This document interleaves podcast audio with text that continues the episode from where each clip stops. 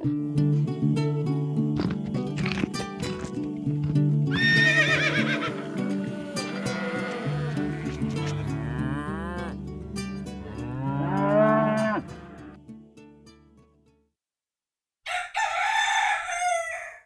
morgen! God morgen. Ja, jeg tror deg.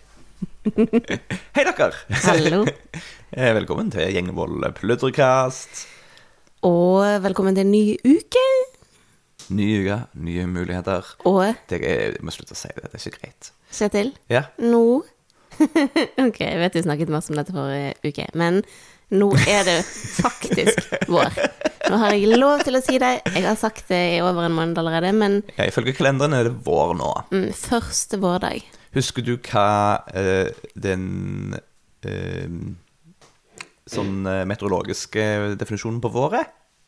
Nei, det bryr jeg meg ikke om. Ja, jeg- 1. mars er utvilsomt vår. Jeg husker det heller ikke, sånn at det er ikke så hjelpsomt. Um, jeg syns jo at det er litt fint da, at det finnes sånne Jeg bare lurer på, Kommer de til å endre den definisjonen om liksom 30 år? Nå har vi jo uh, nylig uh, tatt i bruk nye normaltemperaturer. Mm. Normalværet har blitt redefinert fordi når uh, værvarselet eh, sa når værvarselet sier Uh, dette er så mange grader over normalen, eller så mye mer regn enn normalen, og sånne ting, så pleide de å sammenligne det med mm, 90-tallet, tror jeg. 1990 tror jeg tallene var fra.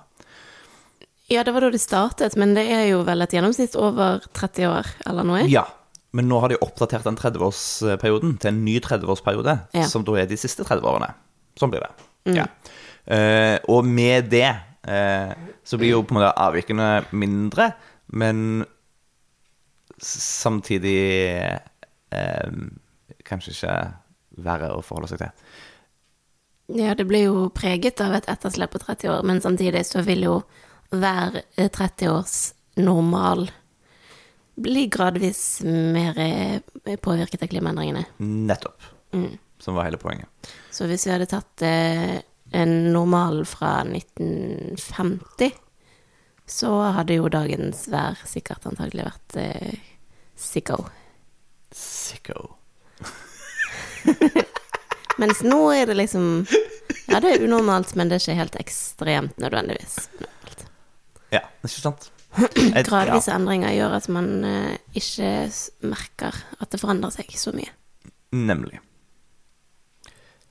Ok, det var dagens Men, eh, prat om vær mm. og litt klima. Eh, Poenget er i hvert fall at nå har vi gått over fra offisielt vinter til offisielt vår. kalendervinter til kalendervår. Og Ikke nødvendigvis offisiell vinter til offisiell vår. jo, kommer an på hvem sin offisielle du snakker om. Det er jo ikke, Meteorologene bryr seg ikke gå om ut, kalenderen. gå ut og, og spør deg sjøl er dette vinter eller vår, så vil svaret være vår. Ja, jeg, jeg, jeg har storkost meg. Eh, det, var, det var så deilig når den eh, frosten slapp til slutt. Ja.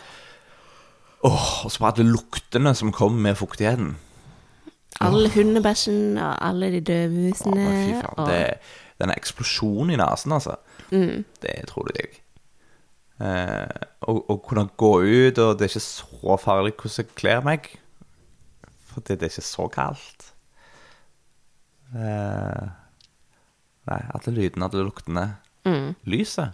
Det, og det jeg må si, jeg er takknemlig for at vinteren ga oss snø så lenge som han gjorde. For da ble han mye mindre mørke enn han kunne ha vært. Mm. Det satte jeg pris på. Og det du- merka jeg veldig godt når snøen nå gikk. For da begynte jeg å kjenne på bekymringen om at nå kommer det til å bli mørkt en periode her. Ja, Men da hadde det holdt lenge nok til at sola har kommet såpass langt opp i himmelen at det ikke var så voldsomt. Ja, for du har lagt merke til at det plutselig har blitt veldig mye lysere, sant? Mm. Nå er det til og med lyst på morgenen. Nå blir det lyst før klokken syv om morgenen.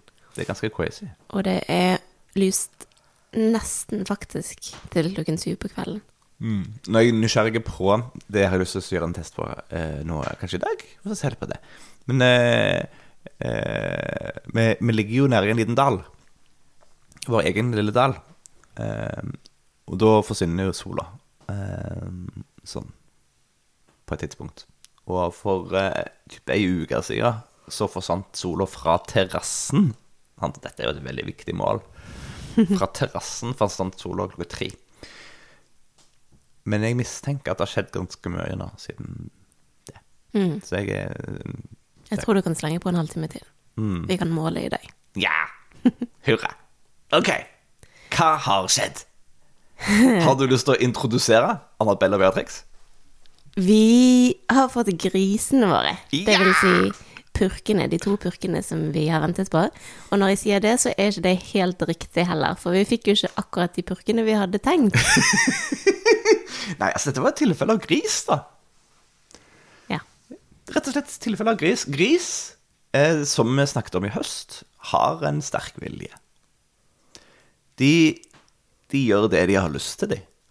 Eh, og vår jobb som kriserøktere eh, Spesielt siden vi driver med sånn fri- frilansvarianten, eh, og ikke har de inn i sånne binger og sånt, hvor vi på en måte kan tvinge de til å gjøre det ene eller andre.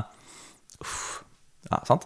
Vår jobb som, som, som, som eh, eh, er å få de til å ha lyst til å gjøre det vi har lyst til at de skal gjøre. Det er liksom utfordringen. Og det involverer jo da en stor del eh, temming, kosing, eh, spising eh, og eh, Tålmodighet. Tålmodighet, rett og slett. Og så å på en måte legge til rette tilrettelegge verden. Eksempel en gris vil heller gå en oppoverbakke enn en nedoverbakke. Det kan du på en måte legge inn i planen din. Ja? Så det betyr at å gå fra bakkeplanen opp på en henger mye enklere å få til enn å gå fra hengeren ned på bakkeplanen. Så eh, Det benytter vi oss jo da av eh, når vi henter det i dag. Nei, ikke i dag, men eh, på torsdag. Fredag. Fredag. Ja, ja. Disse dagene. De hadde blitt eh, nei, De hadde ikke blitt sulta, men de hadde ikke blitt fôra når vi kom og skulle hente de i tretida. Og det var gjort med vilje for at vi skulle kunne få de til å gå der vi vil. For da eh, var vi borte hos han eh, vi kjøpte de fra. Han har en stor eh, dyrehenger som har typen liksom puttkyr inni. Um, den tok vi så rygga inn til uh, inngjerdinga til grisene og la ned lemmen. Uh, først så prøvde vi bare å kjøre den inn til og legge ned lemmen på utsida og så løfte opp strømgjerdet. Og så sto vi der og holdt det strømgjerdet og blomstra ganske lenge. Mens han tok og dryssa en del fôr inn i hengeren for at de liksom skulle ha lyst til å gå der. Men da har de såpass respekt for den tråden at de hadde ikke lyst til å gå unna sjøl om vi sto og holdt i den. Det, var, det var skummelt. Nye, nye greier. Det, ja, skeptiske dyr, disse grisene. Smarte. Jo, de er smarte. Overlevelse og alt det der. greiene. Anywho, så da endte vi opp med å rygge den enda litt lenger inn. Knekke av en gjerdestolpe for å få det til. Oh. Ja, han var knukket fra før av, sånn at det var ikke krise. Han, han sto liksom, og, sto liksom på skrekke. Så drepte vi den for å få plass til at vi kunne kjøre hengeren inn, og så la vi den lemmen på oppsida av eh, trådene. Og da var jo egentlig avtalen at vi skulle ha Ramona og ei av de to andre. Og grunnen til at vi skulle ha Ramona, var at hun øh, hadde litt mer lyst på brystet. Eh, for det, disse, disse grisene er jo en, en blanding av dalagris og uh, mangalitsa, ullgris. Eh, begge svarte griser, og det er jo på en måte en del av avlsmålet at det skal holde seg svart. Uh, Mangalitsaen har for så vidt eh, blitt blanda inn. Vi kan snakke om griseavl seinere. Det er ikke viktig akkurat nå. Eh, blanding av blod og sånt. Yes. Styrke linjene. Hurra. Det har vi snakket om før. Vi har snakket om det før, faktisk. Ja, gå tilbake og hør på en av de andre episodene. um, ja, så hele poenget er at hun er på en måte ikke, ikke helt svart, og derfor ikke så stas, på en måte. Så derfor skulle vi få liksom, hun og en av de to andre som var helt svarte. Eh, de, jo, de er jo søsken, sånn at det å avle videre på dem ville vært same same. Sånn at det er bare en estetisk her og nå-vurdering, egentlig. Og det var vi veldig fornøyd med. For Ramona har en nydelig mohawk. Gode, kraftige buss nedover ryggen. Og derfor ga jeg henne navnet Ramona. Men eh, da er det denne viljen da til disse grisene. Når de da brukte såpass lang tid på å komme seg inn i den hengeren, så eh, ble vi til slutt enige om at nei, men det får bli de to første vi får til, da. De to første vi får inn på hengeren, så klakker vi igjen den døra, og så blir det de. Ja. Da ble det de to andre. Eh, de er fine, de. Annabelle og Beatrix. Ja, de er veldig fine. Ehm, og jeg var jo ikke med og hentet de, så jeg var her da dere kom tilbake igjen. Og fikk se de første. Eh, og da vi åpnet eh, døren til lasteplanene på pickupen, så eh, lå de nå der og slappet av. Og slappet av i så stor grad at de ikke ville gå av bilen. Så du måtte gå på eh, regelrett dytte de av. Men eh, når de først var kommet av, så var det rett på å begynne å snuse på mosen og utforske og Mm. stikke nesen til ned i jorden. Og det var jo veldig kjekt å se. Men jeg syns samtidig at det var noen umiddelbare forskjeller på disse og de andre grisene vi fikk. Mm. Og det første er at de virker ikke så eh, Hva skal jeg si destruktive. De, de gikk ikke så hardt ut og begynte å, å grave og pløye med det samme. Eller kanskje de pløyer på en litt eh, skånsommere måte, jeg vet ikke. um, og de, de, de er åpenbart nysgjerrige, men ikke sånn komme bort og prøve å, å spise på deg og være veldig sånn innpåsliten nysgjerrig. De er litt mer sånn or- avbalansert nysgjerrig. Og så er de mye mindre skvettende. Ja. Og så, ja, de, de, de er veldig godt eh, sosialiserte, da. Og det har de da vært. Altså, disse her er vel eldre enn det de vi hadde i høst, var når vi slakta de. Eh, og så har de vært godt sosialiserte hele tida. De har levd i en liten flokk og blitt eh, tilnærma håndmata hver dag. De er vant med folk på en helt annen måte. Eh, og de har òg bodd i en inngjerding rett ved siden av en vei hvor det går folk forbi hele tida. Så de, de, ja, de er vant med forskjellige folkelukter og eh, er nysgjerrige og sosiale. Og nå eh, når jeg går inn der og gir dem fôr, så eh, spiser de litt, grann, men hvis jeg begynner liksom å bare stille meg inntil, så lener de seg inntil meg og vil ha litt kos. da. Superchille griser. Det eneste er at de, det er litt vanskelig å ta bilde av dem, fordi når du skal gå inn i den innhegningen og prøve å fotografere dem, så tar det ett sekund, og så er de på en måte oppi deg. Så du har veldig kort tid på å kunne ta sånne bilder på en eller to meters avstand før de bare kommer bort til deg. Så du må liksom springe, gå, gå fort rundt rundt omkring inni der, eh, og så snu deg fort og prøve å ta et bilde, og så gå litt videre. Ja, vi burde dressere alle dyrene våre, for dette her er jo gjentagende problem, har jeg inntrykk av, for deg. Ja. Når du har lyst til å ta bilder av alle disse dyrene. At de, liksom, de, de oppfører seg ikke sånn som du vil. De er ikke så gode på å posere, liksom. Nei. Men eh, ja, for Linus kan man jo faktisk be om å sitte og bli. Det burde vi jo lære grisen òg, egentlig. Og han er den eneste som kan gjøre det per nå. Mm. Men eh, vi skal ha disse grisene lenge nok til at vi i teorien skal kunne få til det. da. Ja. Det jeg er spent på, er hvordan vi skal lære de opp til å gå Forflytte seg litt mer effektivt fra et sted til et annet. For vi har jo planlagt å flytte de rundt omkring på hele gården. Og det å spasere de grisene ut av den innhendingen her nede på sletten, og gå gjennom tunet og opp på øvre beite eh, et par hundre meter bak oss, Ja. det Uten at de ramponerer alt på veien, og at de faktisk blir med. Ja. Eh, ja. At de ikke velger å gå alle mulige andre steder. Det blir spennende, det. Mm. Eh, men eh, vi skal nå bli litt godt kjent med dem, så forhåpentligvis så forstår de at vi og bøtta vår er det mest interessante i verden. Eh, men ja, nei, det er klart, nytt sted og nye smaker. Og um, det første de begynte å spise på etter å ha smakt litt på mosen, var jo saueaksiden. For det hadde ikke eh, smakt før, og det var godt. så eh, Ja, det kunne ikke Altså, kraftfôret kunne ikke måle seg med det. nei. Det, det var den bøtta jeg gikk rundt og rista på. Det var bare, bare å glemme. Vi klarte å bestikke dem med brød til slutt. da. Brød og dytting med grind. Ja. Sånn er det. Men litt, litt, litt tvang og litt kjærlighet og litt mat, så blir det bra. Du, Ja, Jeg tenkte vi kunne snakke om penger i dag. det er jo ditt favorittema. Ja. Ja. Hva vil du si om penger? Jeg uh, syns vi kan gå litt eh, sånn konkret inn i tallene vi har foreløpig. Mm. Og eh, ja, gjøre opp et regnskap. For nå har jeg eh, jo ferdigstilt regnskapet for i fjor. Yes. Mari er fantastisk. Hun tar ansvar for eh, bl.a. pengene. Eh, det gjør at jeg slipper. Eh, det setter jeg umåtelig pris på. Så det, det er en del av, av sånn arbeidsfordelingen har eh, blitt, og som vi visste at han kom til å bli fra starten av. Eh, så det betyr at Mari sitter på fasiten, og jeg tror ting. Eh, så sånn er det. Eh, hvordan, eh, hvordan gikk det for vår eh, lille business-start i fjor, da? Ja, nå skal du høre.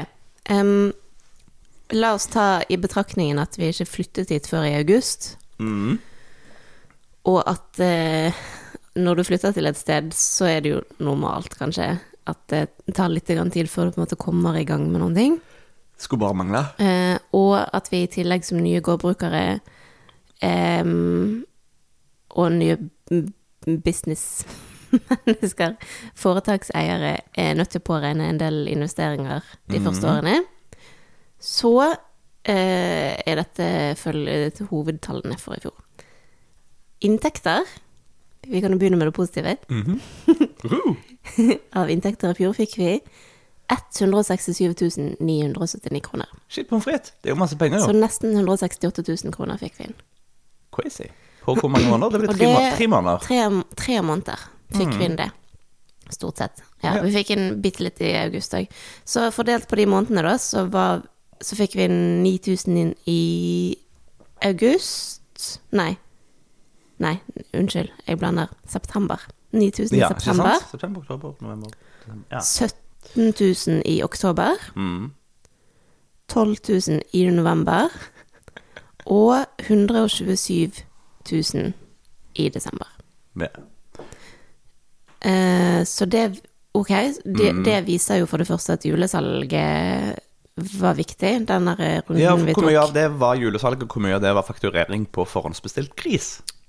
Um, Var det et vanskelig tall? det, det kan jeg ikke svare på på sparket. Kan du si sånn cirka? Jeg Hvis du regner i, med de 20 000 vi fikk fra legatet vi søkte på, Ja, for det er jo en inntekt. ja, så er det jo da 92 000 igjen i desember. Og av de så tror jeg kanskje ca. 50 000, kanskje, var fra Reko-salg. Julesalg. Og resten var fra gris. Mm. Ja, for vi hadde noen ganske gode Reko-utleveringer der. Mm.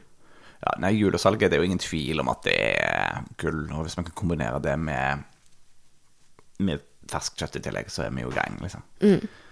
Men det, jeg, altså, jeg syns det er noe å være stolt av. At vi klarte å selge for så relativt sett mye, da, med tanke på at vi var eh, Fremdeles er helt Vi er helt i oppstarten, og vi kastet oss rett ut i det og bare Ok, nå må vi finne på et eller annet. Mm.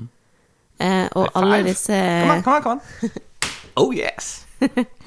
Og da er det jo da Og alle disse pengene kommer fra direktesalg til kunder. Enten på Reko eller Mm. via oss. Ja. Minimum de Reko. 20 000 fra delegatet. Minus de 20 000, ja. Hvorfor fikk vi 20 000 fra delegaten igjen? Det er, det er for å eh, gjøre litt skogrydding og, og skjøtte eiendommen. Ja, ta vare på kultur, Og plante litt nye trær. Ja. Rett og slett. Mm. Ta vare på skog og vekster og sånt. Det var et lokalt legat som holdt til i denne kommunen, som var til for å støtte ja, landbrukstiltak Mm. i bred forstand, som vi søkte på. Ja. Veldig hyggelig. Så kom vi til kostnadene. Ja, så da var det altså 168 inn. Mm. Hvor mye gikk ut av det som er på bedriften, og ikke privat? Eh, Av det som gikk ut, så eh, står det i regnskapet 280 000 kroner. Det er ikke så sinnssyke forskjell. Eh, nei, det gir et resultat på minus 112 000. Mhm. Men så er det jo noen kostnader som ikke vises i regnskapet, altså i resultatet. Og det er fordi at det er store investeringer. Så investeringer vi har gjort som er på over 15 000, det går ikke inn på resultatet, men blir heller en eiendel i bedriften og avskrives over tid. Yeah. Så det vil si at eksempel gårdsbilen som vi kjøpte til 70 000, er ikke med der. Og heller ikke eh, en del andre investeringer som em, en del sånn håndverktøy og gjerder og sånn, som hver for seg eh, kostet mer enn 15 000. Eh, og de tallene har jeg ikke akkurat nå, men jeg eh, tipper vel at vi har brukt ca. 150 000 til, da. Som ikke synes i det regnskapet. Ok. Det er jo eh, penger. Det er penger. Det er noen eh, kraftige minustall. Men um, det er jo ikke Det er jo ikke unaturlig, og det er heller ikke særlig eh, farlig, tenker jeg, for det visste vi på forhånd, og vi hadde spart litt penger, og, og det er normalt at bedrifter bruker mer penger enn de får inn i begynnelsen. Ja. Men hvis vi hadde fått mange Hvis vi hadde fått et mye større underskudd, eller mange uforutsette utgifter i tillegg, så hadde det vært problematisk. Mm.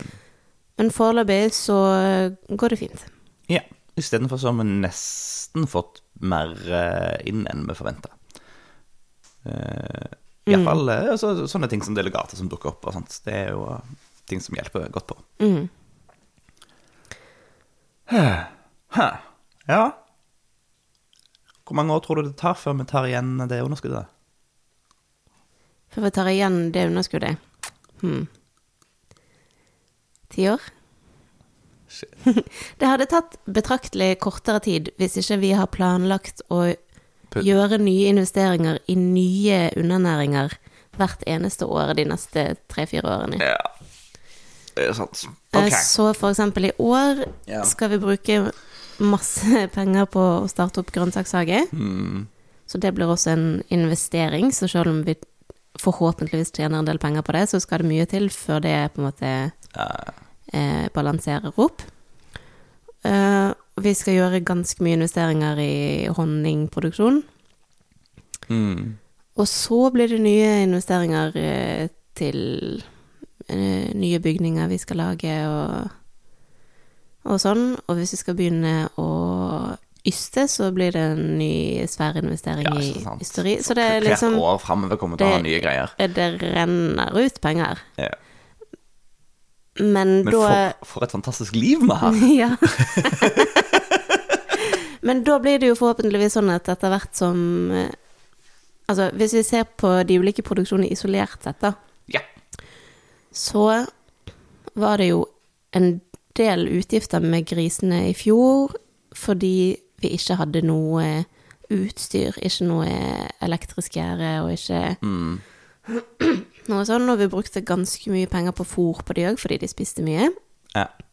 Mens i år så har vi jo allerede mesteparten av utstyret, og vi har griser som ikke trenger å spise så mye som de vi hadde i fjor. Så eh, allerede i år så kan vi jo håpe at det går med større overskudd enn det det gjorde i ja. Men det prosjektet gikk med overskudd i fjor. Ja. Så vurderingen vår med å få inn noen griser, kose masse på de, og så selge de videre, altså oppstykka, eh, det var en rett vurdering. ja. Det tror jeg det var. Og nå når jeg kom på det, så har jo vi snakket om å kanskje kjøpe en sånn mobil binge eller to. Yeah. Så det koster vel kanskje litt òg. Det blir egentlig penger Men det. da. uansett, etter hvert da så er jo tanken at hver eh, eneste eh, produksjon skal kunne stå på egne bein. Mm. Men ja. så er det uansett antageligvis noen produksjoner som isolert sett vil være mer lønnsomme enn andre, og som klart, derfor må være med å subsidiere ja. resten av driften. Det er for, men, men det er jo denne, dette økosystemet vårt. Sant? Så det Jeg tenker at det, det er en viktig del av regnestykket, det òg. At eh, altså f.eks. at grisene trenger lite innkjøpt fôr fordi de kan spise rester av både det vi får fra butikken, og etter hvert det vi eh, produserer av avfall eh, eller rest i, eh, i markedshagen. Eh, de, ja, de, de skal støtte hverandre, da. Det er jo litt av poenget. Eh, høns, det er jo det er veldig koselig og ca. ikke lønnsomt sammenlignet med timebruken. Um, men de er jo kjempenyttige som gjødselgeneratorer. eh, og trivselsgeneratorer. Så Og forhåpentligvis skadedyrbekjempere yeah. etter hvert. ikke sant? Så, så, så det er nyttig og viktig likevel. Ja, og det er jo Alt dette må jo tas inn i regnestykket at eh, At alt det vi har på gården og produserer av, har andre funksjoner i tillegg. Sånn at disse grisene som vi har, og som vi skal få um, De har ikke kun den funksjonen at de skal eh, bli slaktemoden så fort som mulig, og så skal vi selge de, men de har en viktig funksjon i å være eh, traktorene våre, Nettopp. er planen. Det er planen. Vi håper vi får det til. Kanskje du forteller oss hvilke prosjekter vi delte inn eh, fjoråret i? Ja, um, og det gjelder for så vidt ikke bare for i fjor, det gjelder helt fram til vi avslutter de. Ja. okay, men vi har delt inn produksjonene våre i ulike prosjekter i regnskapet vårt, eller i regnskapssystemet. Og det er jo for å enklere kunne ha oversikt over hvilke produksjoner er det som eh, gir penger inn, og hvilke er det som bare gir penger ut. og da har vi egg og fjørfe som et prosjekt. Mm. Vi har bakevarer. Mm. Vi har svin. Mm. Vi har eh, det som nå heter markedshage frukt og bær. Stor samlepott der. Og så har vi ville vekster. Ja. Og melkeforedling og sau. ja. Ok. Og hvilket av de prosjektene gjorde det forholdsmessig eh, best? Altså prosentmessig avkastning? Eller? Det er jo da uten tvil griseprosjektet. Det er det. Ja. Det er både i størrelsesorden og i, i forholdstall best. Ja. Ehm, og da eh, Nå er jo disse tallene ikke kun for 2020, men fra prosjektet startet og helt fram til i dag. Ja. Så det må vi ha i beregningen. Det så annerledes ut eh, ved årsskiftet enn det det gjør nå. ja, for vi har jo fremdeles litt greier igjen. Ja. Og vi har solgt en del i januar og februar òg. Eh, men ehm, resultatet foreløpig på gris, da, er at vi har 101 000, nesten 102 000 i inntekter. Ja. Og vi har 60 000 i utgifter. Nettopp. Så det nærmer seg, men ikke helt. Men det Tror du tror, klarer vi å bikke 50% dekning? Vi har, så, har vi så mye igjen i fryseren, kanskje? Vi har mye ehm, Steiger. Så kanskje vi klarer å få 50% dekning på det. Men allikevel, nå ligger vi på 40, og det er fint, det. Det ikke Hva mener du med 50 Jeg, men, kanskje jeg, jeg bare slenger ut sånne ord som jeg tror betyr noe i sånn økonomiverden. Vi har, jo, vi har jo fått mer penger inn enn det vi har fått ut. Gått ut. Ja, sant? Og så av de pengene vi har fått inn, så er det da 60% som har gått til kostnader. Så sitter vi igjen med 40% i gevinst. Mhm, ja. Spørsmålstegn? Ja, da, vi kan jo gå litt nærmere inn i tallene, da. Um, inntektene som vi har fått Der har vi fått uh, Ja. En ganske stor andel av de inntektene kommer jo da fra forhåndssalget av julegriskasser. Hvor vi solgte kvarte griser i en kasse. Mm. Cirka.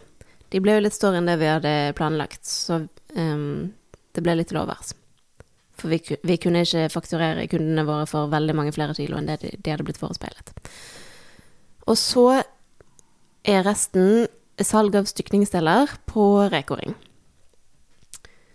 Um, og da viser jo da regnskapet at vi har et resultat på 41 000 kroner. Og det vil si at eh, det er etter at alle de direkte utgiftene og investeringene er trukket fra. Så de 41 000 kronene skal jo da i teorien eh, dekke timearbeidet vårt. Det vil si være lønn for alt, all jobben vi har gjort med å eh, produsere de grisene. Og da må man jo tenke på hva som er en akseptabel timelønn, og hvor mange timer vi har jobbet. Og vi har ikke registrert hvor mange timer vi har jobbet med grisene. Men um, det er jo snakk om en del ukesverk. Ja, men samtidig, hvis jeg skal tenke så Hvor lenge hadde vi de? Det er klart at nå, altså for Hver gang vi skal selge det, så slenger du jo på noen minutter. Det, det, det kompliserer det jo litt. Grann. Ja. Men hvis en tenker på den perioden de levde fram til det liksom var partert og pakka og i frysen Si det, da. Eh,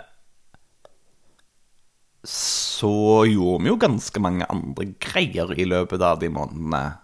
Ja, det var, vi jobbet overhodet ikke fulltid med bare griser. Så jeg kan Ja, at de tok opp en tredjedel av tida, liksom, hvis jeg tenker en periode på tre måneder. Det er ikke Dette er jo en veldig rundhånda måte å tenke timelønn på. Men, men, men jeg tror ikke andel timer brukt på de Kanskje andel timer tankevirksomhet på de var høyere. Men, eh, men jeg tror ikke han Men igjen, altså, hvor lang en dag, og sånt. Ja, for eh, er dagen arbeidsdagen vår syv og en halv time, eller er det Det går jo veldig opp og ned. ti-elleve timer? Det er ikke sånn. Um, av konkret tid vi brukte på de, så, så matet vi jo de og stelte de hver dag. Eh, men det var også mye ekstra tid som gikk med til infrastruktur på å bygge eller sette opp og ta ned eh, gjerder når de skulle flyttes. Og bygge to hytter til de. Ja, og møkking og, Og og, møkking. rugging og sånt eh, når de bodde inne. For da hadde de litt for god plass, så de skjei i hjørnet. Så brukte vi to hele dager på eh, å sende de av gårde, egentlig. Og da var jeg med òg. Ja. Um, så brukte vi en hel helg på å stå nede i produksjonslokalet og pakke og uh, bearbeide kjøttet når det kom tilbake fra slakteriet. Og så bruker jeg eh, en god del tid, uh, litt tid kanskje hver dag, på å nå administrere salgene på Reko. Så det kommer en bestillinger, jeg registrerer det, jeg sier hva de skal betale, jeg veier kjøttet, så drar vi på Reko og leverer ut, og så må jeg regnskapsføre det etterpå. Ja. Sånn at um, timebruken vår på det prosjektet er ikke ubetydelig. Og det tror jeg at vi må være um, Vi må alltid ha i mente, da. For både vi og mange andre bønder tenker sikkert sånn at bare når du ser at det er pluss og ikke minus som har resultat på regnskapet, er så er du kjempefornøyd. Men så glemmer vi at de 40 000 der, det er jo da våre de pengene som vi skal bruke til å kjøpe mat og betale strømregninger og betale huslån for. Ja. Men det var jo som Anna pratet om når hun var her, at uh, du, det, uh, måten en driver på, må være på, en- på en sånn måte at om du blir sykemeldt, så kan en vikar ta over. Mm. Det betyr at du må kunne lønne noen i de timene de faktisk jobber. For det er sånn det fungerer når du får inn et menneske utenfra. Ja. Eh, og hvis du driver på en annen måte som er for tunge, eller for vanskelig å kommunisere, eller, eller bare for mange timer, så driver du ikke godt nok. Eh, og det, det har jeg tenkt mye på. At det er lurt. Det er gode vi som så. Ja. Og så må vi òg huske på at vi er ikke lønnstakere, vi er selvstendig næringsdrivende. Yes. Vi skal jo Eh, Eller rettere sagt, du er selvstendig næringsdrivende. Ja, og- og du jeg har jo en fulltidsjobb i tillegg. sånn vedheng. Jeg eh, bidrar med fast inntekt. Um, men som selvstendig næringsdrivende så er det jo du sjøl som er ansvarlig for å eh, ha sykeforsikring og spare til din egen pensjon og sørge for at alle disse velferdsordningene er på plass for deg sjøl. Og det vil si at um, du skal helst Du skal ikke ha en timelønn på 300 kroner. Du skal ha en, helst en timelønn på Fem, eller noe? fem, seks. Ja, for det skal ca. dobles egentlig fra som vanlig. Ja. Og i tillegg da så skal jo du betale for Altså, det som du tjener inn, skal betale for alt av utstyr og driftsmidler på gården, også i tillegg til akkurat den produksjonen. Sånn, ideelt sett så skal jo da litt av det vi tjener, på grisene, bidra til å betale for den eh, eh, Hva heter det for noe? Denne eh, Vedkløyver. vedkløyveren som står utenfor vinduet. Og det skal betale for litt av gjerdene, og det skal betale for litt av fjøset. Eh, og det vi tjener på sauene når vi skal selge, de skal også betale for litt av alt dette her. Så det vil si at vi kanskje egentlig burde, sånn, burde hatt en timelønn på 700-800 kroner. Um, Ja.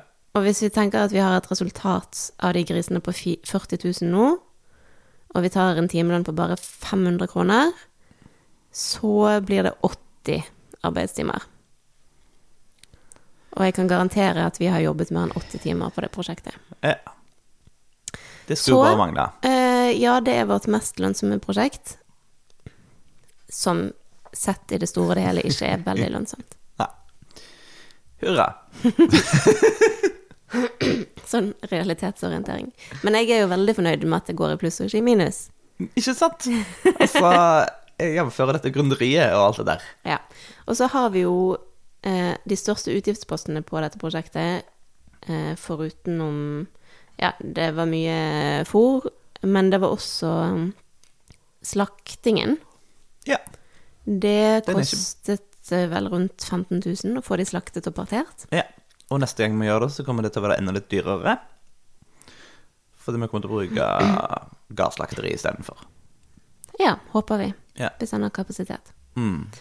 Eh, Vi gjorde òg en investering i en oppskjærsmaskin på 6000 kroner i det prosjektet der. Ja, ikke sant? Den havna der. Mm. Eh, Så det er jo en engangsinvestering som vi ikke ikke kommer til å gjøre igjen. Nei. Jeg lurer kanskje faktisk på òg om fryseren vi kjøpte inn til alt kjøttet gikk på dette prosjektet, men det husker jeg ikke akkurat nå. Ja, ikke sant. Men det er forskjellige greier. Mm. Eh, nei, ja, nei, forhåpentligvis så blir det ikke veldig mange veterinærregninger. Um, Istedenfor å betale godt og vel en tusenlapp eh, per eh, gris for å få de, så sier, sier Beatrix og Annabelle Og så popper det ut en bunch. Um, var det et fint bilde? Jeg, jeg tror eh, noen som hører på dette, kanskje kunne blitt litt støtt av, av det der. Det er ikke meningen å støte noen. Jeg beklager på det sterkeste. Eh, Ja, men ja, in, hvis, hvis, jeg skulle ha, hvis jeg skulle ha beskrevet hele prosessen, så hadde det tatt så lang tid. ja, Så Selve innkjøpet av grisene var jo også ja, en betydelig utgift, for vi betalte jo 10 000 bare for å få dem. hmm, Eh, og da er vi jo oppe i 60 000 utgifter. det Så, mm, så for nå neste runde så blir jo utgiftene ja, de purkene vi har kjøpt, pluss fôr, pluss slakting. Men det er hovedutgiftene. Ja, pluss at vi skal putte noen penger på noen hytter. Ja. Eh, rett og slett fordi å bygge de treverk, eh, som jeg har gjort så langt, jeg, det, blir for tungt å flytte rundt på. Og det er unødvendig timebruk å bygge nytt hver gang. Spesielt når vi har tenkt å flytte på de relativt ofte. Så ja, det er mulig vi skal slenge på et par bilbatterier etter hvert. For jeg tror etter hvert som vi flytter rundt på de, så trenger vi å bruke batteristrømmere. Det ordner seg. Mm. Ok, skal vi gå til neste? Uh, ja. Um... Vi, kan, vi trenger ikke snakke så kjapt som de. Men jeg kan trekke frem to andre prosjekter, og det er bakeprosjektet og eh, hønseprosjektet. ok. Um, for vi går faktisk i pluss på baking. Faktisk. Resultatet er at vi har eh, 1500 kroner i, i pluss. Shit. Fordelt på hvor mange timer? det blir 1,50 i timen, det. Ja. Det blir godt. Eh, For vi har hatt 35 000 inntekter og 33 000 kroner i utgifter.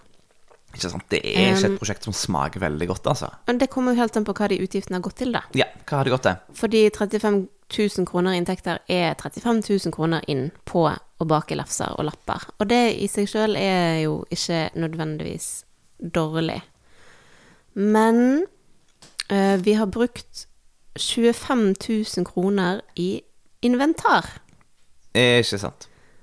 Um, og det er da eh, fryseskapet som står nede, som vi putter lefsene i. Mm, Og det er kjøkkenmaskinen mm, til 15 000 kroner, eller hva det nå var. Ja. Eh, og så er det en del bakeutstyr. Vi har handlet ganske mye bakeutstyr. Rister og eh, termometer og mm, greiene og alt mulig rart. Ja. Kokeplate.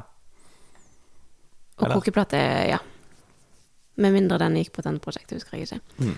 Um, og hvis du vet da at i det prosjektet så er 25 000 av de rene investeringer i, i driftsmidler, så er jo plutselig Altså hvis vi ikke hadde gjort de, så hadde jo regnskapet sett helt annerledes ut.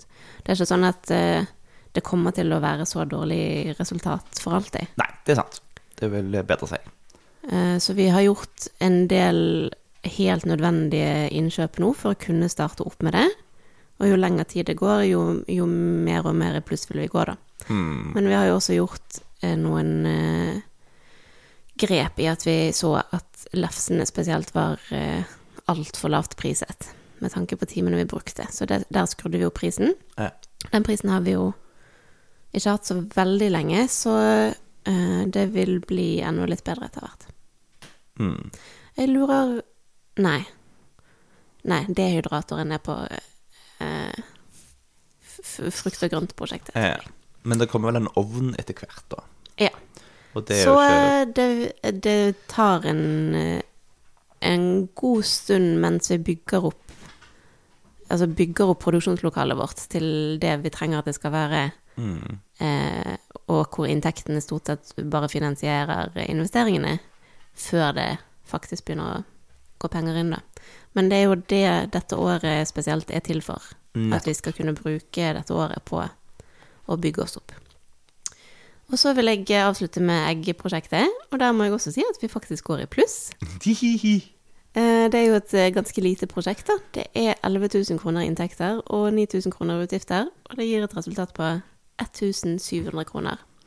Og det tok jo ganske lang tid før vi på en måte bykket der. Ja.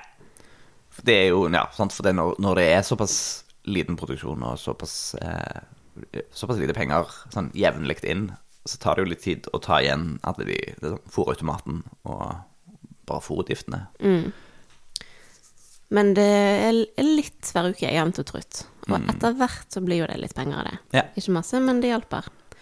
Der er Skal vi nå se eh, Cirka sånn eh, Et kjapt overblikk tilsier at om lag halvparten av dette er fôr av utgiftene. Mm. Det vil si, ja, av 9000 utgifter så er kanskje 5000 fôr, og så er resten investeringer i, i vanningsautomat og annet utstyr vi har kjøpt. Ja. Så må vi jo håpe Og jeg, jeg tror vi kan anta at eh, når de får lov til å slippe ut igjen, så vil fôrutgiftene gå litt ned. Eh, Fordi de Ja. går jo rundt og spiser. Så eh, det at de er inne nå, og at det har vært himla kaldt, har nok gjort at fôrutgiftene har gått opp. Men uh, dette sier jo to ting. Dette sier sikkert flere ting. Men de to viktigste, viktigste tingene jeg kommer på akkurat nå, er at dette prosjektet er foreløpig såpass uh, lite at hvis vi har noen store engangsutgifter, så vil det ta veldig, veldig, veldig lang tid før vi får tjent det inn igjen. Mm. Så eksempel når vi skal bygge hønsehus eller hønsemobil eller noe sånt som det, så må vi gjøre det billig Ja. for at det skal gå rundt. Um, det andre er at uh, hvis vi iberegner timebruken på dette, så ja, Sant. Så dette her er ikke et sånt gir det prosjekt. overhodet ikke mening. Nei. Og det viser òg at den prisen vi tar for eggene våre, eh, den, den skulle ikke vært lavere. Nei, Vi har en ganske høy pris på eggene våre sammenlignet med andre, det har vi. og det må vi ha. Hva tror du Fordi nå har vi jo bestilt nye rugeegg Mm. i, av eh, høns eh, som eh, legger farger. Ja. Det blir stas. Det gleder vi oss veldig til. Krysser fingrene for at det kommer ut noen høner, ikke bare haner fra de eggene. Første jeg lurte på, er har du regnskapsført det? Så det er, ikke en del, er det en del av det prosjektet nå? Nei. Nei. Så der er det en utgiftspost som Ja. spiser resultatet vårt. Nei, bare Mesteparten. Eh, og så vil de da Dette er jo langtidsinvesteringer, for du må jo først bruke tre uker på å klekke de. Nå har vi et par uh, høner som ligger klukk. Jeg håper at uh, Sylvia, som hun ene heter, uh, kanskje skal være mor til en del av disse nye. Ehm, så først er det tre uker på å få klekka de. Ja, først må vi få eggene, så er det tre uker på å klekke de. Så kanskje om en måneds tid da, så har vi nye kyllinger, hvis vi er heldige. Eh, første runde av, for vi må antakeligvis ta de to runder. Eller et eller annet, finne ut av det. Ja. Eh, og så går det jo opp mot et halvt år før de faktisk begynner å legge egg. Så i en periode der så aler vi opp på både haner og høner. Og vi har jo ikke troen på å ta hanene når de er bitte små. Vi vil jo, altså, de skal jo bli, bli mat, i det minste, før vi tar dem. Så det, det blir å fôre på dem fram til de blir store nok. Og så kan vi begynne å på en måte, tjene penger på det. Så det er jo langtidsinvestering, dette her. Men på det tidspunktet vil vi ha fargepakker. Og hvor mye er en enkelteggene i en fargepakke verdt? En, ja, en fargepakke er jo et mye mer eksklusivt produkt, selv om islandshøns eggprodukt det- Egg er jo også ganske eksklusiv i seg selv. Men um, da tenker jeg vel at eh, for en pakke med fargeegg, så kunne vi kanskje tatt 60 kroner. Ti kroner egget? Mm. Ja. Det er jo veldig kult å servere og ha sjøl. Det er søndagsfrokosten og sånt. Ja. Men det er i hvert fall det så langt. Resultatet foreløpig viser at vi er ikke vi, Det er ikke riv ruskende gale. Nei, det er håp. Vi ser ut til å gå i riktig retning, og flere av prosjektene våre har faktisk allerede oppnådd positivt resultat, på tross av en del investeringer. Eh, og så er det tydelig at um, vi på sikt er nødt til å gå i mer overskudd for at dette skal gå rundt. Ja. Og at det er ikke nok at det bare går i pluss, for vi skal, det er penger vi skal bruke til å leve, og til å eh, drive denne gården. Oppgradere den og Mm. spise mat og Yes. betale regninger og Alle de greiene der. ha forsikring og sånn. Ja. Fordi vi har lyst til å leve videre. Kult! Det det. Takk for uh, opp oppdateringen. Og så uh, vil jeg bare si at uh, hvis du lurer på noen ting eller har noen spørsmål, så send de gjerne til oss. Fordi ja. vi sier ikke det så ofte, fordi det sies i den der outroen. Men eh, jeg vil bare presisere det. At er det noe du lurer på, eller noe du ikke skjønte, eller noe du syns er interessant, så er det kjempekult om du gir oss en lyd. Og så kan vi svare på det i neste episode. Ja. Vi er her for å dele, Mm. rett og slett. Så eh, all kjærlighet og omsorg til dere. Kjenner dere varmen? Jeg, jeg, jeg, nå sender jeg masse varme. Varme. Ja. Så håper dere får ei fin uke Ja. Første våruken. med gode tanker om vår og økonomi og kriser. Mm. Mm. Flott. Toodles! Ha det bra. Tusen takk for at du har hørt på Gjengevold pludrekast. Hvis du har en tilbakemelding på podkasten, så blir vi kjempeglad for å høre fra deg. Er det noe du syns vi skal snakke mer om, eller noe vi bør snakke mindre om, så kan du sende oss en melding på e-post på hallo.krøllalfa.gjengevold.no. Du kan også komme i kontakt med oss på Facebook på Gjengevold mangesysleri, på Instagram ett mangesysleriet, og på nettsidene våre gjengevold.no.